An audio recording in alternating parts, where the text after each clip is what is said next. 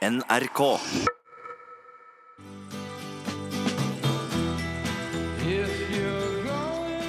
Flowerpower, hippiebevegelsen, nei til EF, nye kjønnsroller. Alt kunne skje på 1970-tallet. Dans kan godt være ett bilde. Det der at Du behøver ikke å bli engasjert av en gutt lenger. Du kan bare like musikken og slenge deg ut på et dansegulv og la musikken ta deg. Normeringen blir ikke så kvass lenger.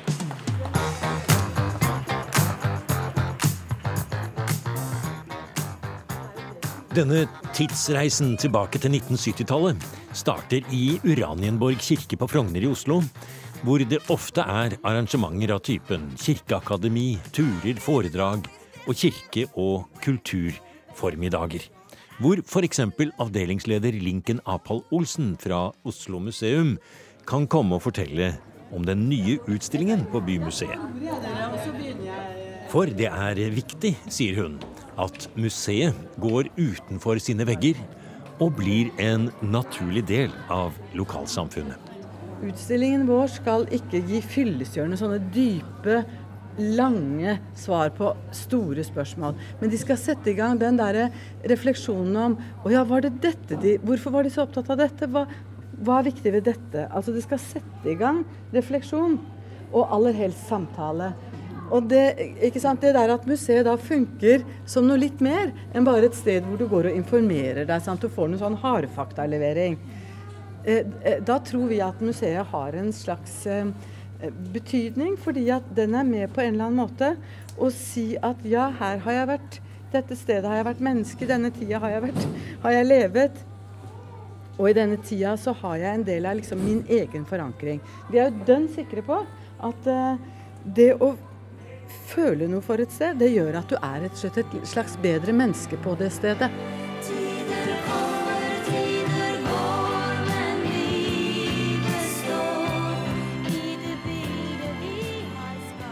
På Bymuseet på Frogner hovedgård i Oslo går vi sammen med deltakerne på kirke- og kulturmøtet i Uranienborg kirke. Og det er vel liten tvil om at samtlige var med på 70-tallet. De som er født før 1960, kjenner seg igjen i farger, møbler, klær, musikk, 70-tallets bøker og postere, demonstrasjoner, Vietnamkrigen og Maos lille røde. Det handler mye om SOS og frik i Bymuseets utstilling. Og vi starter i en koselig stue i en blokkleilighet i en drabantby. Helt typisk 70-tall. Et sted mange av oss føler at vi har vært før. Har du hatt noen møbler som ligner på dette her, Kjell? Ja, vi hadde jo seksjon. Ja, det hadde, det hadde jo alle. Ja. ja. Brun seksjon med sånn blyglassvinduer midt i. Kusina mi, hun er med nå. Hun hadde sånne siestastoler rundt et rundt bord. det er siestastolen, ja. Ja. Istedenfor uh, sofa, så hadde hun mange sånne rundt et rundt bord. Ja. Og så gardinene. Ja, ja. Storblomstrete. Ja, ja. Nå skal vi gå bort og prøve telefonen. Ser, det, er en sånn grå, ja, det er en sånn grå telefon. Husker du de lydene som var i den? Sånn pipelyd, vet du. Prøv å løfte opp røret og så slå litt på tallskiven. Skal vi Sånn var det. Og den lyden. Å ja, den gode, gamle lyden. Mørke draktinteriører har vært toneangivende ganske lenge nå. Ja, Noen kan vel sitte på en annen brede eh, sånn der armlene her. Akkurat i dette rommet er det bare å slå seg ned på utstillingsgjenstandene. Dvs. Si møbler, stuebord og kosekrok, og gå rundt og kikke i drabantbyleiligheten. Så godt som alt som er på 70-tallsutstillingen, er innlånt fra publikum, eller rett og slett ting museet har fått for anledningen. For dette her er jo alt sammen møbler vi har tatt inn for å slite ut i løpet av de kommende to årene. For hører dere, dette er ikke en utstilling som vi lager og tenker at vi skal uh, få på en måte vist nok av, eller forklart ordentlig nok, på to uh, måneder. Vi sier to år. Men det er igjen å gjøre med da at skolene er en viktig gruppe. Min aller beste venninne, hennes foreldre hadde eh, en grønn salong. Så hadde de glassbord med gull. Så hadde de store grønne planter så hadde de eh, hvite bokhyller, og absolutt ikke brune. Jeg tror ikke de hadde noe som var mørkebrunt over hodet i sitt hjem. Og de hadde et kjøkken som Det er mye mer enn farger, interiør, stil og klær på utstillingen 70-tallet på Bymuseet i Oslo. Men la oss holde oss litt til på dette emnet. For det var veldig viktig, sier Lincoln Apal Olsen. På 1970-tallet måtte man nærmest velge. Var man sos eller frik? Men så enkelt som at sos var høyre og konservativt, og frik var venstresiden og motkultur, det var det ikke. For det jeg nå har eh, eh, fått høre av mange, det er at hvis dere er så dumme at dere tror at sossen hørte til på Vinneren og Majorstua, og at det var det, så tar dere aldeles feil. Og da jeg på en måte gikk etter i mitt eget vennemiljø fra kunsthistorie, som var mitt første fag, så var det jo sånn at jeg lærte ordentlig sossestil der. Og, fordi jeg var fra Skien, som sagt, ikke sant? så jeg hadde mye, ikke, mange koder som ikke var helt på plass. Og jeg lærte resten av dem. Og flere av de bodde faktisk relativt langt oppe i Groruddalen. Så man gikk bare i noen butikker. Det var da man hentet det. Man måtte bare kunne disse kodene, og så var det da samtidig verd- et verdistatement fra, fra den som gikk med klærne. Jeg hører hjemme her, og jeg hører hjemme her. Og på den måten så kan en si at klær som ikke skulle kanskje bety så mye, de betød voldsomt mye, for du ga med en gang også en slags politisk beskjed. Så eh, det, Hvor mange av dere har Sigrun Berg-skjerf? Én, to, Det ble, tre, det del, ja. fire, fem Ja. ja, hva er det? Vevstua i Damstredet, der Sigrun Berg bor, Busserugna og sjal i fantastiske farger. Vi valfarta jo det. Vi må ikke glemme crush-lakken og de høye støvlettene som var helt tettsittende, også miniskjørtet. Ja, og om vinteren ute da, å gå med crush-lakk og miniskjørt, det var helt forferdelig. Men du har gått med crush-lakk og miniskjørt. Det er jeg helt sikker på. Det er jeg helt sikker på, jeg òg. Jeg føler nesten at jeg kjenner det på knærne ennå. Man må lide for skjønnheten. Da som nå.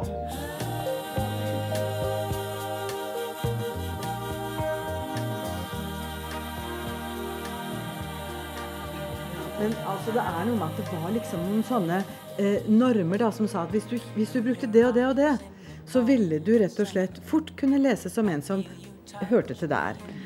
Men forstår jeg deg riktig hvis du sier at enten så var man sos, eller så var man frik, eller så var Det var liksom ikke så veldig mye midt imellom. Er det det du mener? Vet du hva? Jeg begynner å, å, å våge å komme med sånne påstander.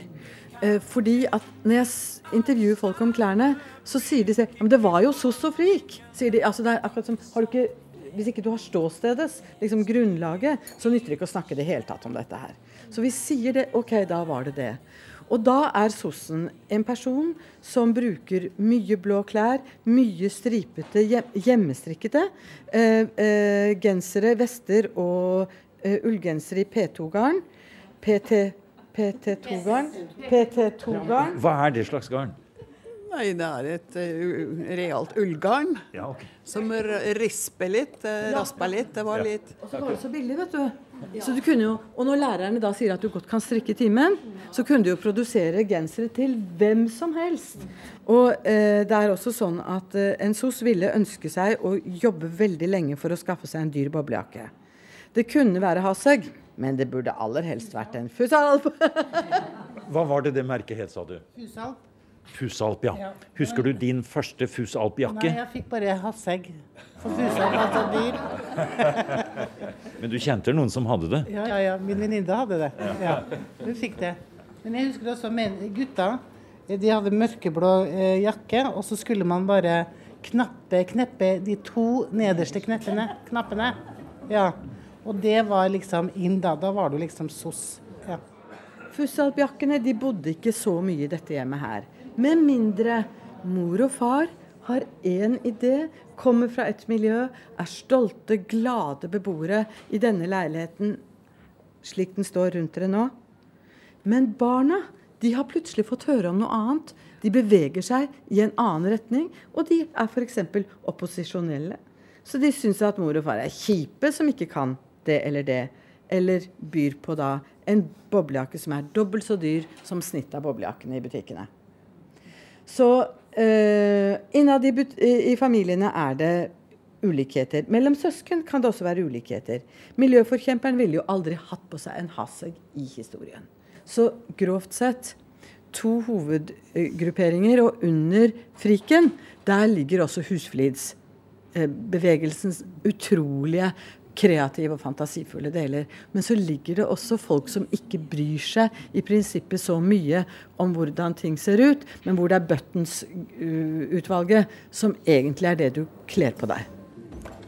Det lange 70-tallet er et begrep Oslo bymuseum bruker for å beskrive perioden fra midt på 1960-tallet til 1980. Perioden da alt ble forandret. Det er mer et begrep enn et bestemt antall år. Det er tiden da alt forandres i Norge. Og det var ikke alltid så lett å håndtere ungdommen den gangen, sier en av deltakerne på omvisningen. Det kunne være mange konflikter i familiene som egentlig bunnet i tidens store verdivalg. Ja, for jeg hadde barn som var født i 62 og 63. Og da sønnen min skulle konfirmeres, så var vi en vanlig familie som hadde pent tøy til konfirmasjon. Men min sønn han ville ikke ha dress. Han ble konfirmert i busserull som den eneste. Og det var veldig vanskelig. Min familie han satt der med den busserullen. Ja, For dere ville ikke at de andre skulle tro at dere ikke kunne ha gitt ham en dress? Nei, nei. Alle hadde jo dresser. Og hele selskapet var jo i dress og pene kjoler. Men han satt mellom oss i den der busserullen. Jeg har aldri glemt det. Det var ganske vanskelig. Ja. Og med langt hår nedpå her. Og så var det ganske borgerlig familie, så det var ikke så lett å være forelder, altså. Men det har gått bra med da.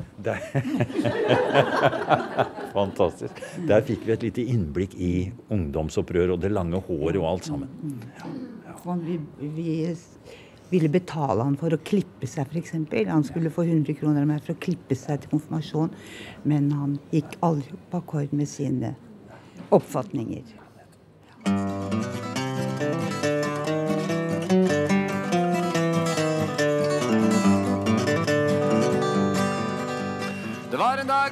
i fjor at bikkja fikk hetta og fulgte spor og kom ikke igjen før dagen etter makeløst eksemplar av en engelsk setter fillebikkje. Viser, kassegitar, islender og afghanerpels. Rock, frikonserter, AKP ML, oljealderen begynner. Naturvern, Alta og Mardøla. EF og EC. Homofiles rettigheter. Frie teatergrupper. Kunst som politisk virkemiddel. Gras, Rolf Groven og Per Kleivas protest mot Vietnamkrigen. Alt dette og mye mer har Oslo Bymuseum samlet på sin utstilling om 1970-tallet. For, sier Lincoln Apal Olsen, veldig mye av det som skjedde på 70-tallet, har formet samtiden vi lever i nå. Jeg tror at uh, veldig mange mennesker som lever nå, folk som er fra la oss si 50-55 og opp, de har hatt denne 70-tallsperioden. Det lange 70-tallet har de hatt som en eh, formativ periode, altså som en tid som påvirket verdisettet. Og det har jo vi levet som voksne, og det har vært med å forme det samfunnet som alle lever i nå. Derfor syns vi at det å lære mer om det er relevant. Da forstår vi kanskje litt mer av det samfunnet vi har rundt oss. Og flere av de som gikk rundt her som selv har opplevd 1970-tallet, de eh, kommenterte at er det virkelig så lenge siden at det kommer Ja. på museum? Når vi tenker over det, det er nesten fælt å si det, men det er faktisk 50 år siden. Jeg er sikker på at vi nå har en distanse som gjør at vi kan, kan tillate oss å mene at vi forstår de viktigste tingene som skjedde på 70-tallet. Eh, men når det gjelder det med nærere samtid og historie, så har vi de senere årene eksperimentert ganske mye med nyere ting. Til dels helt opp til aktuelle ting. Og det vi ser da, er at eh, vi kan løfte fram saker som er ferske, så lenge vi slipper til mange syn. Da kan et museum godt nyansere og bidra i noe som kanskje er mer samfunnsdebatt, aktuell samfunnsdebatt, og gjøre det på den måten som mange av oss har, ønsker om, nemlig som møteplass. Jeg tror jo at historiske saker har ofte en relevans opp i dagens pågående ting. og det er slik 70-tallet får en, både en relevans og en eh, blir interessant for oss. Fordi at, og var det da det sto på spill?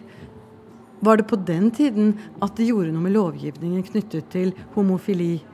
Var det eh, på dette tidspunktet at sultestreikende samer plutselig ble nærmest oppdaget av den norske befolkningen? Jeg tror at når vi lager dette tiåret, så setter vi sammen en rekke ting som veldig mange folk i Norge eier, men det har ikke vært systematisert. Og vi gir glimt, sier jeg, men vi gir det i en sammenheng.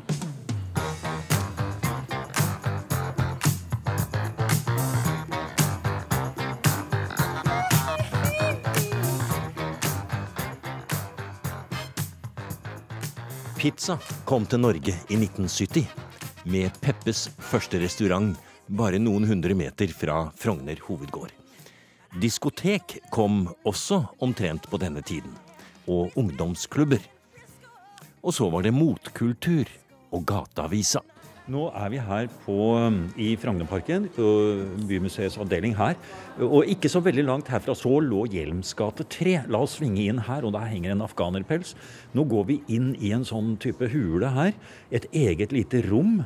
Vi kommer inn her, og her, er, her ligger gateavisa.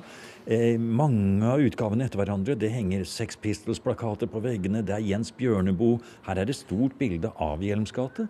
Eh, og det er Jimmy Henrik selvfølgelig på veggen. Og så er det Cramb-tegninger og det er helt fantastiske rom. Vi er tilbake her i skikkelig Å, se her, du peker på en kjempesvær eh, LP-platesamling med Sticky Fingers av Rolling Stones som ligger helt øverst her. Dette, dette rommet her, det, her tenker jeg at du kosa deg litt når du Altså, her har vi møtt et menneske som rett og slett ser verdien i å ta vare på livet sitt. Og eh, Audun Eng har altså valgt å dele det med alle. Det er så raust, og det er så spennende. For oss har det vært et dykk ned i et miljø en tid som nesten var sagnomsust, men som er så spennende fordi det var et opprørsk miljø, men på siden av de kjente, store kollektivene. Men Audun Eng, han føler for å tenke selv. Så den, altså den tenke-sjæl-ideologien, den tror jeg lå i en del litt mindre miljøer. Ikke lukkede, for disse var jo åpne. De, de henvendte seg jo ut, de ytret seg. Eh, men jeg tror at Audun Eng kan være et veldig godt eksempel på et tenkende, men også aksjonistisk innrettet menneske. For det vi er i her nå, det er i de frihetlige sosialister og anarkistenes eh, verden, på en måte, da. Det er en eh, parallellverden som lå utenfor både AKP, ML og eh, Og det måtte med, syns du? Ja, vi følte veldig det. Det er en intellektuell verden, og det er jo klart at studentenes rolle i 70-talls ut 70-tallets utvikling og 70-tallets saker, den har vært veldig sentral. Men hvis en bare skulle holde seg hos de som har på en måte kommet mest frem i historiebøkene, så er det veldig mye vi ville gå glipp av. Og det å trekke inn disse vel eh, altså De er så bevisste, og, og, og de, har, de har et eh, reflektert syn på sakene de gikk inn i. Og det gjør at du får en veldig, et veldig interessant møte med aktuelle saker på 70-tallet og aktuelle verdispørsmål på 70-tallet. Vi tror på en måte at det er det, det fritenkerske som også er et 70-tallspreg. Jeg tror det er det vi kan si at det er det Audun Engs rom gir oss mulighet til å fortelle om. Og hvis du ser på bøkene her, det er altså Wilhelm Reich, det er selvfølgelig Bjørneboe, Bob Dylan, ja, ikke minst. Mm. Det er Castaneda, og Mm. det er Aksel Jensen, vet du. Aksel Jensen, selvfølgelig. ja. Han var jo selv veldig aktiv i det miljøet der, og Mm. var med og bidragsyter, og var rett som det var å Mm. treffe der også. Men det er en bok til som vi kan kanskje avslutte med når vi vandrer rundt med her nå, og den står i en helt annen avdeling. Den boken jeg ser står i monteren der borte, det var kanskje den aller viktigste boken. 'Kvinne, kjenn din kropp'. Skal vi gå bort og ta en liten Ja, den er viktig. Her går vi forbi Maos lille røde og alt som er, og vi stopper foran Sirene. Og Mhm. en, dette er kvinnenes 70-tall vi står i her nå. Ja.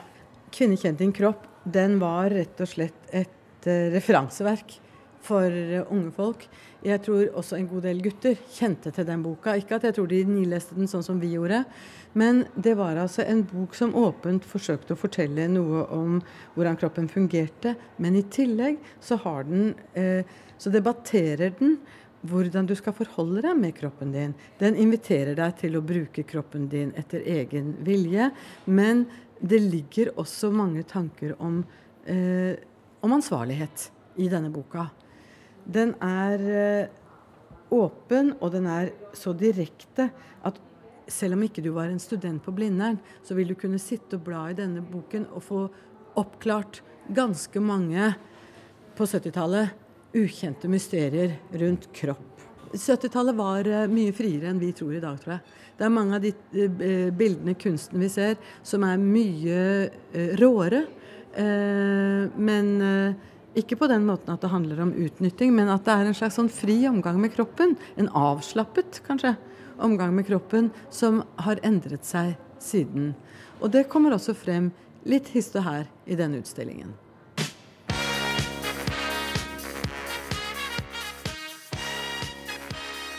Også museumspedagog Miriam Røsler har vært med på å bygge opp utstillingen. Og ikke minst ta imot brunt, oransje, beige, furu og klær fra publikum. Som var mer enn vilje til å grave i skuffer og skap etter 1970-tallet.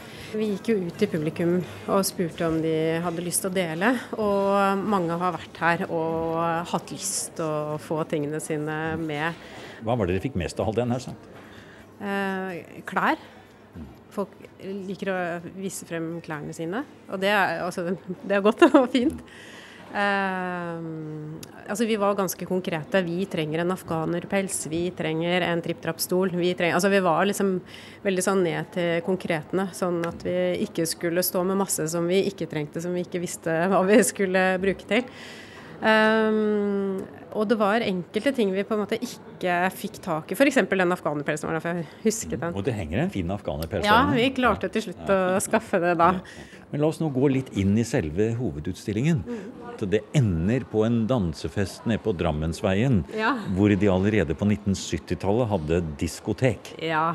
Og det var jo eh, et veldig morsomt forslag fra Lars Emil og Linken om at vi skulle ha diskotek, som jeg jo kasta meg på. Jeg holdt på litt med å få elever til å danse opp igjennom, sånn at det var liksom i min gate. Eh, og de eh, had, var inspirert fra en annen utstilling eh, av eh, det der med å herme etter eh, bevegelser. Og jeg har jobbet ganske mye med diskotek for elever på ungdomsskolen. så jeg visste at eh, skal du få folk til å danse, så må du gjøre det litt sånn ufarlig. Og da bare hvis man har noen å herme etter og slipper å, å på en måte prøve å vise seg, så er det mye lettere. Så vi satte opp diskoteket eh, nederst der, og så inviterte vi elever fra Hartvig Nissen til å komme og danse. Og satte på musikken og filmet dem samtidig. Og så la vi på et speil, sånn at du kan se elevene altså det blir sånn, Du ser filmen på den ene veggen, og så speilbildet av de elevene som danser, og så kan du følge dem uansett hvilken retning du står i inni der. Ja, hvordan reagerte de elevene da, når de skulle komme hit og, og på si, eh, spille sine foreldre eller besteforeldre?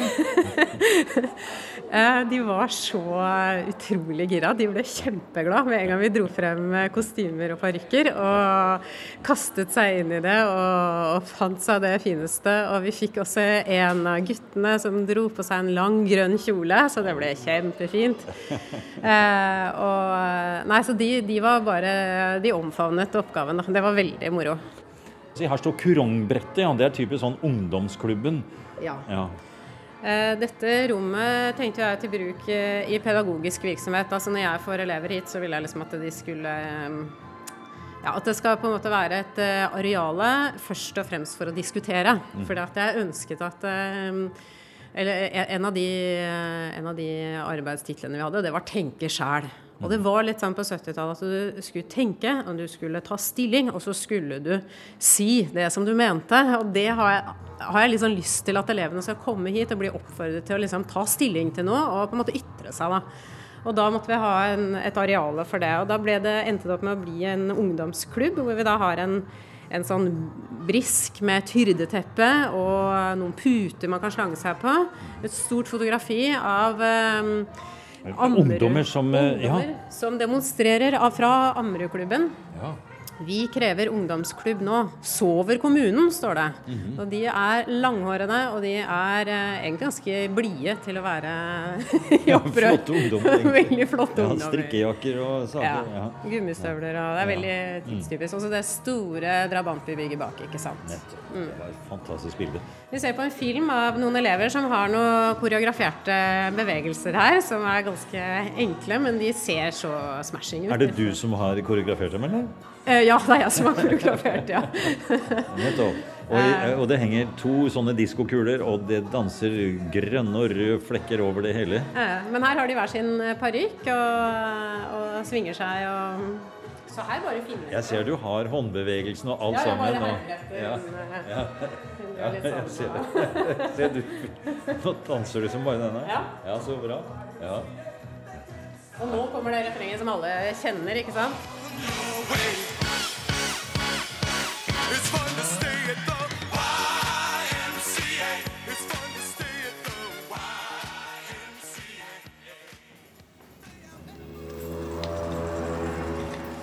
Du har hørt en podkast fra NRK P2.